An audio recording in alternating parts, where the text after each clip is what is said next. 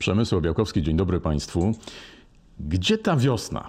Pytają wszyscy, a odpowiedzi oprócz kalendarza oczywiście może udzielić obserwacja ptaków. Tradycyjnie przyjęło się, że zwiastunem wiosny jest przylot bocianów. No to o bocianach, ale nie tylko, także o innych wspaniałych polskich ptakach.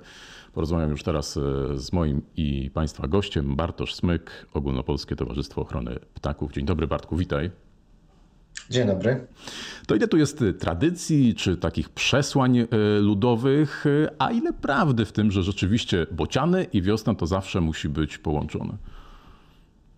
No to znaczy, właściwie jest kilka takich gatunków, które są zwiastunami wiosny i rzeczywiście, znaczy to jest, to jest jakoś związane z przesądami, powiedzmy, z jakimiś tam wierzeniami ludowymi, natomiast rzeczywiście mniej więcej tak to wypada, że E, przylot bocianów zaczyna się, tak, ten powiedzmy taki bardziej masowy przylot bocianów e, jest wtedy, kiedy u nas się zaczyna wiosna, taka już prawdziwa wiosna, jeszcze nie, już nie przedwiośnie, tylko taka właśnie prawdziwa wiosna po e, nocy wiosennej, także, no także jest to połączone na pewno. Szacuje się, że jedna Polska, jedna piąta, o Polska to jest dobre przejęzyczenie, jedna piąta mm, populacji bociana białego ma właśnie polskie e, obywatelstwo. Czy mm, dla ciebie też bocian to jest takim naszym ptakiem narodowym, czy no ja wiem, że pewnie mógłbyś wymienić jeszcze e, parę innych. Jesteś bardziej team orzeł czy team bocian?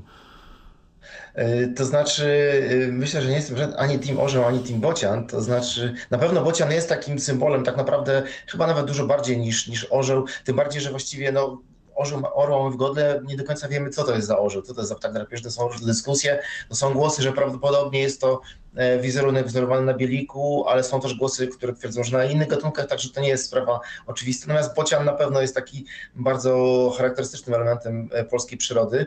E, natomiast e, dla mnie, jako dla ornitologa e, i też dla członka i pracownika Ogólnopolskiego Towarzystwa Ochrony Ptaków, takim najbardziej polskim z wszystkich gatunków jest wodniczka.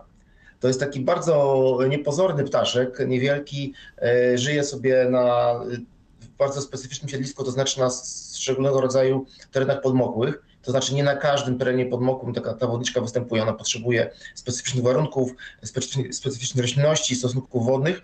I wodniczki, tak jak mówiliśmy, że y, bociana, 20% wszystkich bocianów na świecie y, można powiedzieć, że y, no, gnieżdżą się w Polsce, czyli są, można powiedzieć, Polakami. W przypadku wodniczki to jest około 30% czyli ten jeszcze, jeszcze wyższy odsetek ptaków e, gnieździ się, całej populacji światowej gnieździ się na, na, terenie Polski. Ten gatunek w ogóle on ma bardzo niewielki zasięg, to znaczy ona żyje właściwie tylko w Europie Środkowej i Wschodniej. E, największa populacja, największa populacja występuje na Białorusi, a druga największa populacja występuje właśnie w Polsce, zwłaszcza we wschodniej e, części Polski. Także dla mnie taki właśnie najbardziej polskim gatunkiem jest właśnie ta wodniczka niepozorna i, i mała. No właśnie, to jak to jest? To dlaczego ten e, bocian ma tak świetny PR, tak dużo się o nim mówi, jest przecież też elementem, to nie wiem, no kultury czy sztuki, gdzieś tam z tyłu głowy pewnie bociany Chełmońskiego każdy, każdy kojarzy. No a wodniczka, myślę, że dla wielu osób to, to może być zupełnie zaskakujący gatunek, nieznany gatunek. No tak, no samo to, że bocian jest gatunkiem dużym, e, widać go z daleka, łatwo go rozpoznać. Wodniczka jest jednym z kilku, kilkunastu gatunków, które właściwie jak się nie zna dobrze cechów pierzenia albo śpiewu, e, to ich się nie rozpozna, a tak naprawdę one żyją daleko od człowieka, także e, większość ludzi sobie właśnie nawet nie zdaje sprawy, że taki ptaszek w ogóle istnieje. No i druga sprawa właśnie, że bocian żyje blisko człowieka, że właściwie w Polsce e, praktycznie cała populacja bocianów to są bociany, które żyją bardzo blisko człowieka. E, często mają gniazda na, na budynkach czy na słupach, czyli na konstrukcjach w ogóle pochodzenia antropogenicznego. E, właściwie bocian jest całkowicie uzależniony, może nie całkowicie, w dużej mierze uzależniony od takiego, od takiego tradycyjnego rolnictwa, które mamy w Polsce jeszcze w wielu rejonach, to znaczy tam, gdzie, są, gdzie jest mozaika właśnie pól, łąk, gdzie jest duże, duża baza pokarmowa, to tam jest tych bocianów więcej. Także, e, także pewnie to połączenie, że bociany właśnie korzysta z tego, że my mu trochę pomagamy w ramach rolnictwa, można powiedzieć niechcący, te, te widoki, że bocian chodzi za na przykład e, sianokosami, prawda, i wybiera sobie te smaczniejsze kąski, jakieś większe owady. Także to wszystko powoduje ta jego bliskość życia z człowiekiem, jego charakterystyczny wygląd. No myślę, że to powoduje, że jest taki powszechnie znany. No i też doszły te wierzenia, że przynosi dzieci, to już ciężko mi powiedzieć właściwie dokładnie, co spowodowało, że akurat on taką sobie historię, taka historia wokół Bociana powstała. Natomiast to wszystko powoduje, że on jest dobrze kojarzony, więc jest lubiany, więc, więc ludzie też go znają i, i jakby też widzą go jako symbol Polski, zresztą bardzo słusznie, biorąc pod uwagę jego liczebność w naszym kraju. Mówimy o bocianach, o wodniczkach. Jeden i drugi ptak e, jest kojarzony, czy lubi tereny podmokłe. Wspomniałeś w przypadku wodniczki, no bocian no, też wiemy, widzimy taki obrazek brodzącego gdzieś tam e, w tych terenach e, podmokłych. No i chciałbym, żebyśmy tutaj przeszli do kwestii bardzo ważnej, kluczowej. Mam wrażenie, że teraz trochę mocniej, szerzej mówi się o tym, jak duże znaczenie dla, dla przyrody jeszcze w w obliczu zmian klimatu mają właśnie te tereny podbokłe, mokradła, e, bagna. E, to są też tereny, gdzie można spotkać mnóstwo gatunków e, ptaków. Więc jak to z perspektywy specjalisty wygląda?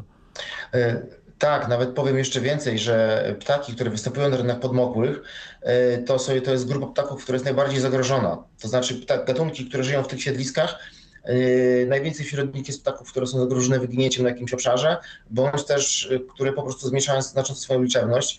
I to zarówno mówimy o terenach podmokłych, takich jak dla wodniczki, czyli jakieś takie niedostępne torfowiska yy, z dala człowieka, ale również takich terenach podmokłych, jakie właśnie preferuje bocian, czyli wystarczy, czyli po prostu jakieś ledwo podmokłe bądź zalewane łąki po prostu. Także mm, to się też wiąże z tradycyjnym właśnie rolnictwem, to co wspomniałem przy bocianie, że mm, E, właśnie tereny zarządzane, tereny, na których jest gospodarka rolna, ale taka właśnie tradycyjna gospodarka rolna, czyli niewielkie pola, bardzo dużo miec, dużo jakichś zadrzewień, zakrzewień śródpolnych, e, jakieś śródpolne bagienka.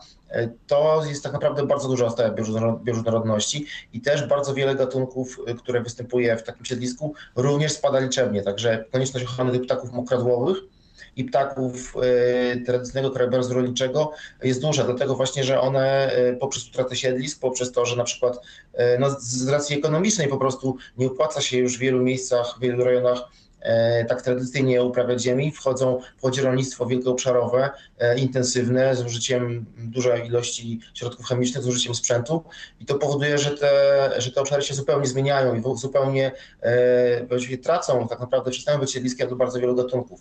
Także to są, te, te, to są takie dwa rodzaje siedlisk, które wymagają najpilniejszej ochrony i w tym e, tak naprawdę wiele programów ochronnych, które jest prowadzone przez OTOP, ale też przez inne organizacje, właśnie dotyczy ptaków i nie tylko tych siedlisk. Na e, stronach Otopu znalazłem taką informację, że, e, że degradacja, właśnie degradacja siedlisk ptaków w wyniku działalności człowieka, no, rolnictwo to jest działalność człowieka, ale pewnie też inne czynniki na to wpływają, e, skutkuje zmianą liczebności i rozmieszczenia ptaków w Polsce. No i zagrożonych wymarciem jest 47 e, gatunków. To jest 30% więcej niż 20 lat temu. E, jakie gatunki są najbardziej zagrożone? Jakie są prognozy? Jakie są te, te, te szacunki takie szczegółowe? Tak, to y, no właśnie tak jak wspomniałem, że najwięcej zagrożone, jeśli, jeśli, jeśli bierzemy pod uwagę grupowo i siedliskowo spojrzymy na to, najbardziej zagrożone są właśnie ptaki mokradeł. To są na przykład ptaki należące do grupy siewkowych. To jest w ogóle taka grupa ptaków, do której no chyba, chyba najbardziej znanym przedstawicielem gatunku y, ptaka z tej grupy jest czajka która jest takim właśnie ptakiem, który łączy tereny podmokłe i tereny rolnicze, dlatego że na pierwotnie występowała właśnie w jakichś bagnach Doliniach Rzecznych, ale świetnie się przystosowała do życia i do gniazdowania właśnie w tradycyjnym rolnictwie. E, no ale tak jak wspomniałem, to tradycyjne rolnictwo zanika i czajka jest jednym z gatunków, które najszybciej zmniejsza liczebność w całej Polsce. Ja jeszcze za, będąc dzieckiem, czy pierwszy, może w pierwszych latach mojej obserwacji ptaków, mm, pamiętam, że czajki właściwie były wszędzie. Wystarczyło wyjechać gdzieś za miasto, na jakieś właśnie tereny właśnie takiego, takiego rolnictwa w miarę tradycyjnego, gdzie są jakieś fragmenty łąk, e, fragmenty pól niewielkie i tam czajki były zawsze. Teraz możemy, możemy można powiedzieć, przejechać wiele kilometrów wiosną, gdzie te czajki powinny być i ich tam nie ma. Tu jeszcze dochodzi też czynnik, że one się gnieżdżą na ziemi, więc na przykład e, większa liczebność drapieżników, e, zarówno naszych rodzimych, dochodzą drapieżniki, sacze, obce gatunki i dochodzą niestety ssaki, które my trzymamy, a które wychodzą na zewnątrz, takie jak koty czy psy. To wszystko powoduje, ten cały zespół czynników powoduje, że czajka jest takim, jest gatunkiem, który, one po prostu można powiedzieć produkcja, ornitolodzy mówią tak trochę nieładnie, produkcja młodych, ale jest, tak się używa tego wrażenia, czyli po prostu liczba młodych, które dożywają wieku lotności, nie zapewnia czajce zastępowania pokoleń, czyli można powiedzieć, za mało młodych czajek się wychowuje, żeby móc odbudować tą populację z roku na rok, dlatego zmniejszają swoją liczebność. Takie właśnie gatunki również terenów podmokłych, które bardzo silnie zmniejszają swoją liczebność, również ptaków siłkowatych, to na przykład rycyk albo kulik wielki. To są gatunki bardzo konserwatywne, one bardzo niechętnie mm, próbują gnieździć się w miejscach e, nowych dla nich, dlatego cały czas próbują ciągle w tych samych rejonach, które często są przesuszone, e, niewystarczająco e, zalewane na przykład przez wodę. To powoduje też, że mają niski sukces lęgowy, no i ich liczebność spada. Druga właśnie... Hmm? Chciałem zapytać jeszcze, bo, bo, bo, wspomniałeś o tych obszarach. Zastanawiam się, e, czy to jest no na, na, przestrzeni tych, no nie będzie 20 czy 30 lat, e, czy widać, że zmieniają się mocno obszary występowania niektórych e, gatunków, związane choćby z, ze zmianą klimatu, no bo to już jest taki okres, gdzie, gdzie te zmiany są po prostu widoczne. Tak, oczywiście. To jest widoczne u bardzo wielu gatunków. E, sporo gatunków e, występujących w Polsce, zwłaszcza w północnej Polsce, które jeśli spojrzymy sobie na ich zasięg całej populacji, widzimy, że one żyją w bardziej północnych rejonach. To bardzo wiele z tych gatunków widać, jak się przesuwają na północ, wycofują się. E, część z tych gatunków na przykład już przestało się gnieździć w Polsce, te, które u nas miały swoją granicę zasięgu. E, a wiele z tych gatunków e, wciąż spada liczebnie, zanika. Na przykład te gatunki, o których wspomniałem, przykład kulik wielki czy rycyk, one są raczej, to nie są gatunki jakieś arktyczne, ale raczej preferują chłodniejszy klimat, chłodniejszy i bardziej wilgotny. Te, te zmiany, które się teraz dzieją, powodują wzrost średniej temperatury, też powodują stepowienie. E, generalnie, generalnie wody mamy mniej niż mieliśmy kiedyś. E, I to też powoduje, że te gatunki cierpią i się po prostu wycofują. E, takim gatunkiem na przykład, który dawniej się gnieździł w Polsce dosyć licznie, a obecnie albo się nie gnieździ w ogóle, albo jakieś pojedyncze e, samice legowe można spotkać w północno-wschodniej Polsce jest batalion, czyli kolejny gatunek ptaków siewkowych. Gatunek, który ma bardzo efektowne toki, kiedy wiosną samce spotykają się na takich arenach czasem po kilkaset i walczą, strosząc swoje ozdobne pióra. I to to cały czas możemy zobaczyć jeszcze na przelotach, natomiast na lęgi zostają u nas nie co roku i pojedyncze samice, dlatego że u tego gatunku samice się opiekują, e, opiekują lęgami. Także e, widać po szeregu gatunków, że one się wycofują na północ, a z drugiej strony mamy szereg, szereg gatunków, które preferują ciepły klimat, które e, u nas zwiększają swoją liczebność. Takim gatunkiem jest na przykład kląskawka, taki niepozorny ptak, który, który lubi na przykład takie tereny ruderalne, na przykład jak jakiś nasyp kolejowy e, porośnięty jakąś taką niepożytkowaną roślinnością, jakiś nieużytek i tam kląskawka e, lubi sobie założyć gniazdo. Kiedyś to był gatunek, który granica zasięgu przebiegała na wysokości mniej więcej Wrocławia, Krakowa, teraz możemy ją zobaczyć w całej Polsce właściwie. Także to, i to w przestrzeni 30-40 lat, czyli tak naprawdę na bardzo niewielkiego czasu. Jedna z rzeczy to zmiana klimatu i przesuwanie się trochę obszarów występowania gatunków, e, e, o których rozmawialiśmy przed chwilą. A e, ciekawi mnie jeszcze, czy w naszym kraju są też inwazyjne gatunki obce wśród ptaków, no bo jeśli chodzi o, o rośliny, to, to jest ich naprawdę sporo. Jak to jest w ornitologii? Tak, to znaczy są, akurat w ornitologii w ogóle, w faunie Polski mamy to szczęście, że gatunków obcych nie jest dużo. E, też nie każdy gatunek obcy jest inwazyjny. Dosłownie wśród y, ptaków lęgowych mamy e, dwa gatunki uznawane za inwazyjne, to znaczy to są gęsiówka egipska i bernikle kanadyjska. E, oba to są ptaki z rodziny kaczkowatych. Bernikla jest po prostu gatunkiem gęsi, która pierwotnie występowała w Ameryce Północnej, ale jako ptak ozdobny została sprowadzona do Europy. No i to zdziczała, częściowo w niektórych miejscach było wypuszczona celowo, a w innych miejscach po prostu, po prostu można powiedzieć, zdziczała można powiedzieć sama z siebie, wytworzyła populacje dziko żyjące. I na przykład e, taka populacja jest w Szwecji, część tej populacji zimuje w północnej Polsce e, na Pomorzu Gdańskim. Także to jest taki jeden gatunek. Drugi gatunek gęsiufa egipska to jest gatunek, który pierwotnie występował nawet nie tak daleko od Polski, bo na przykład są przekazy dawne sprzed kilkuset lat, że ona występowała gdzieś nad Dolnym Dunajem, gdzieś w okolicach Morza Czarnego ale na pewno nie występowała nigdy w zachodniej i środkowej Europie. Natomiast to jest też gatunek, który był utrzymany jako tak ozdobny. E, ona e, częściowo pewnie sama pouciekała, częściowo być może była wypuszczana. Utworzyła już bardzo silne populacje, zwłaszcza w zachodniej Europie. U nas jest ich coraz więcej i to jest tak bardzo agresywny, który na przykład wypiera nasz rodzimy gatunek bardzo rzadki, który się nazywa ochar, który jest niepokrewnym i ochary są no, bardziej wrażliwe, nie tak silne jak gąsiówki, więc gąsiówki na przykład wyganiają z tych miejsc lęgowych. Także ten problem wśród ptaków nie jest tak duży jak na przykład wśród roślin, ale też niewątpliwie istnieje.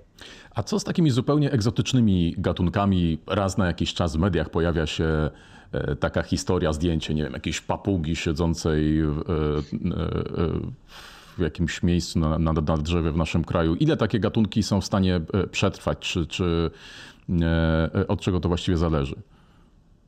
E, to znaczy, e, tak naprawdę e, papugi już w Polsce mamy. To znaczy, to na razie jest jeszcze trudno powiedzieć, czy to jest populacja, czy to są jakieś pojedyncze osobniki. Raczej to wygląda, że to jest pierwszy etap, prawdopodobnie pierwszy etap jakiejś kolonizacji.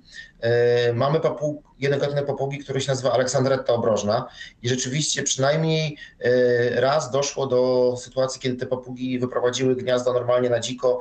Było to w mieście Nysa w województwie opolskim. One tam co roku są, właściwie, właściwie tam cały czas przybywają. Widać, że świetnie sobie radzą przez zimę. W ogóle im ta zima jakby nie, nie wygląda na to, żeby to była dla nich za ostra.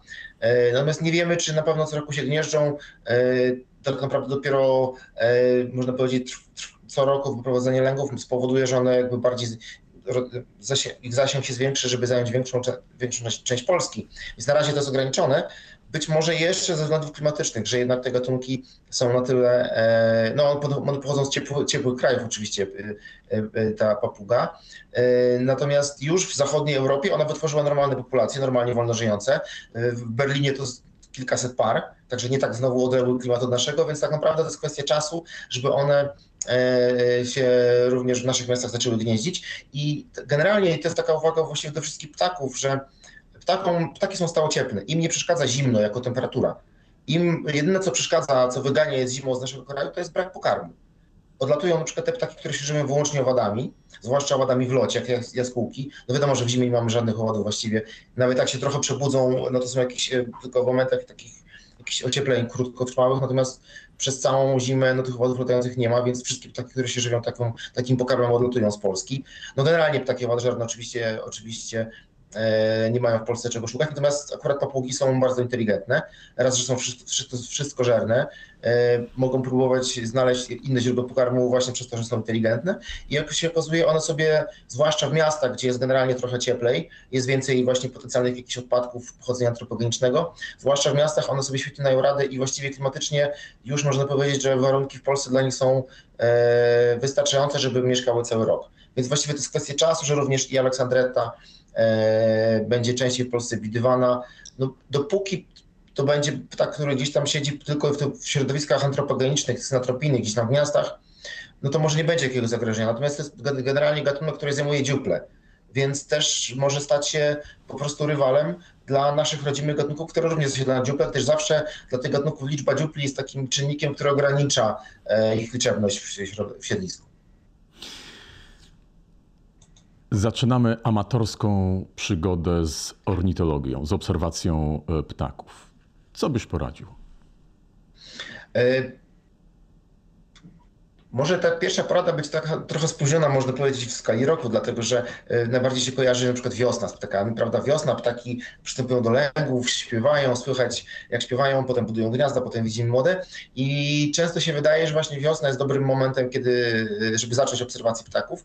Natomiast ja uważam, że niekoniecznie, dlatego że ptaków jest tak dużo, jak się na przykład wejdzie wczesnym rankiem do lasu, e, właściwie do dowolnego lasu wiosną, to ten ptasi chór może nawet trochę onieśmielić, że jest tego tak dużo, że to jest trudne do do, do opanowania. To nie jest prawdą. Da się te wszystkie gatunki nauczyć rozpoznawać nie tylko po wyglądzie, ale i po śpiewie. To jest trochę trudniejsze, ale również można to zrobić. Więc tak naprawdę e, myślę, że dobrym czasem na rozpoczęcie przygody z ptakami jest na przykład zima. Czyli tych ptaków jest Chyba łatwiej mniej. też zauważyć. Tak, łatwiej zauważyć, bo często podchodzą bliżej człowieka, chociażby do karmników. E, nawet te ptaki, które są zwykle dzikie i, w okresie lęgowym wiosną gdzieś tam chowają się w lesie, w okresie zimowym często możemy zobaczyć właściwie w obrębie zabudowań ludzkich, w obrębie osiedli ludzkich w miastach, we wsiach, gdyż właśnie korzystają z tych karmników albo po prostu z innych e, pokarmów niekoniecznie celowo wykładanych przez człowieka. Także zima jest takim dobrym momentem, żeby zacząć obserwację właśnie ze względu na tą trochę mniejszą liczebność i właśnie lepszą, można powiedzieć, e, łatwiejszą dostrzegalność ptaków. I myślę, że taką poradą to jest to, żeby obserwować z, y, wszędzie. Bo to jest, myślę, że to jest najfajniejsza rzecz w ptakach, że właściwie przez to, że mają skrzydła, przez to, że potrafią latać, właściwie nawet w środku dużego miasta, idąc, znajdując jakikolwiek kawałek przyrody, jakiś fragment jakiegoś niewielkiego parku, już tam możemy zobaczyć kilkanaście, kilkadziesiąt gatunków nawet. Także tak naprawdę obserwacje możemy robić wszędzie, zawsze. Wiadomo, że więcej gatunków zobaczymy gdzieś w Puszczy Białowieskiej niż e, w parku w Warszawie, ale na początek tak, tak naprawdę wcale nie trzeba jeździć w jakieś dalekie e, chronione tereny, do parków narodowych, w góry, w jakieś puszcze. Tak naprawdę zupełnie wystarczy, żeby zacząć te obserwacje w swoim otoczeniu i, i tak tam zobaczymy kilkadziesiąt co najmniej gatunków, od których warto zacząć właśnie poznawanie ptaków. A łatwiej rozpoznać po kształcie, upierzeniu, czy po śpiewie? No myślę, że no człowiek generalnie jest, yy, można powiedzieć, zwierzęciem wzrokowym. Jednak dla nas yy, wizualne yy, cechy są łatwiejsze do opanowania, co nie znaczy, że po śpiewie nie, nie da się tego zrobić. To, to, tak ten śpiew, ten śpiew jest mocno zróżnicowany, no bardziej o to pytam, no tak. bo rzeczywiście wzrokowo no to mhm. pewnie potrafilibyśmy rozróżnić, ale co z tym śpiewem? No. No właśnie, tak naprawdę są gatunki, które łatwiej po śpiewie rozróżnić niż po wyglądzie, bo są takie pary gatunków bliźniaczych, które są bardzo podobne do siebie. E, na przykład mamy w Polsce dwa gatunki słowików, słowik szary, słowik rdzawy. Słowik rdzawy występuje w zachodniej Polsce i jest w ekspansji na wschód, szary jest bardziej wschodni i się trochę wycofuje. To też się ma związek właśnie z zmianami klimatycznymi. I one są bardzo podobne wizualnie, zresztą słowika w ogóle trudno wypatrzeć, ale śpiewy się różnią dość mocno, także poznając ten śpiew możemy je dosyć łatwo e, rozpoznać, nawet nie widząc ptaka. Także, e, także tutaj taka istotna rzecz, że e, nie każdy głos ptaka jest śpiewem, to znaczy śpiewy to są te śpiewy zwykle samców w okresie, zwłaszcza wiosennym, w okresie, kiedy one mają właśnie, przystępują do lęgów, bądź też mają terytoria lękowe. Natomiast ptaki mają też dużo innych głosów, jakieś głosy kontaktowe, głosy alarmowe, no to, już, to, jest, to już jest wyższa szkoła jazdy i rozpoznawanie po tych dźwiękach. E, no to już naprawdę wymaga długotrwałej praktyki. Ja sam jeszcze wielu tych głosów nie potrafię rozpoznać, także, także to już jest trochę inny poziom. Ale śpiewy jako te głosy właśnie godowe, one są zwykle bardzo charakterystyczne e, i również e, nimi warto się zainteresować właśnie w kontekście rozpoznawania gatunków. No to życzę wielu pięknych, wspaniałych koncertów i obserwacji. Pięknie dziękuję za rozmowę. Bartosz Smyk, OTOP. Wielkie dzięki. Dziękuję bardzo. Państwu też życzę takich wspaniałych wrażeń wzrokowych i słuchowych przy obserwacji ptaków, do czego zachęcam, a właściwie zachęcamy. Pięknie dziękuję, zapraszam do oglądania kolejnych odcinków wideokastów Zielonej Interi. Przemysł Obiakowski, kłaniam się. Do widzenia.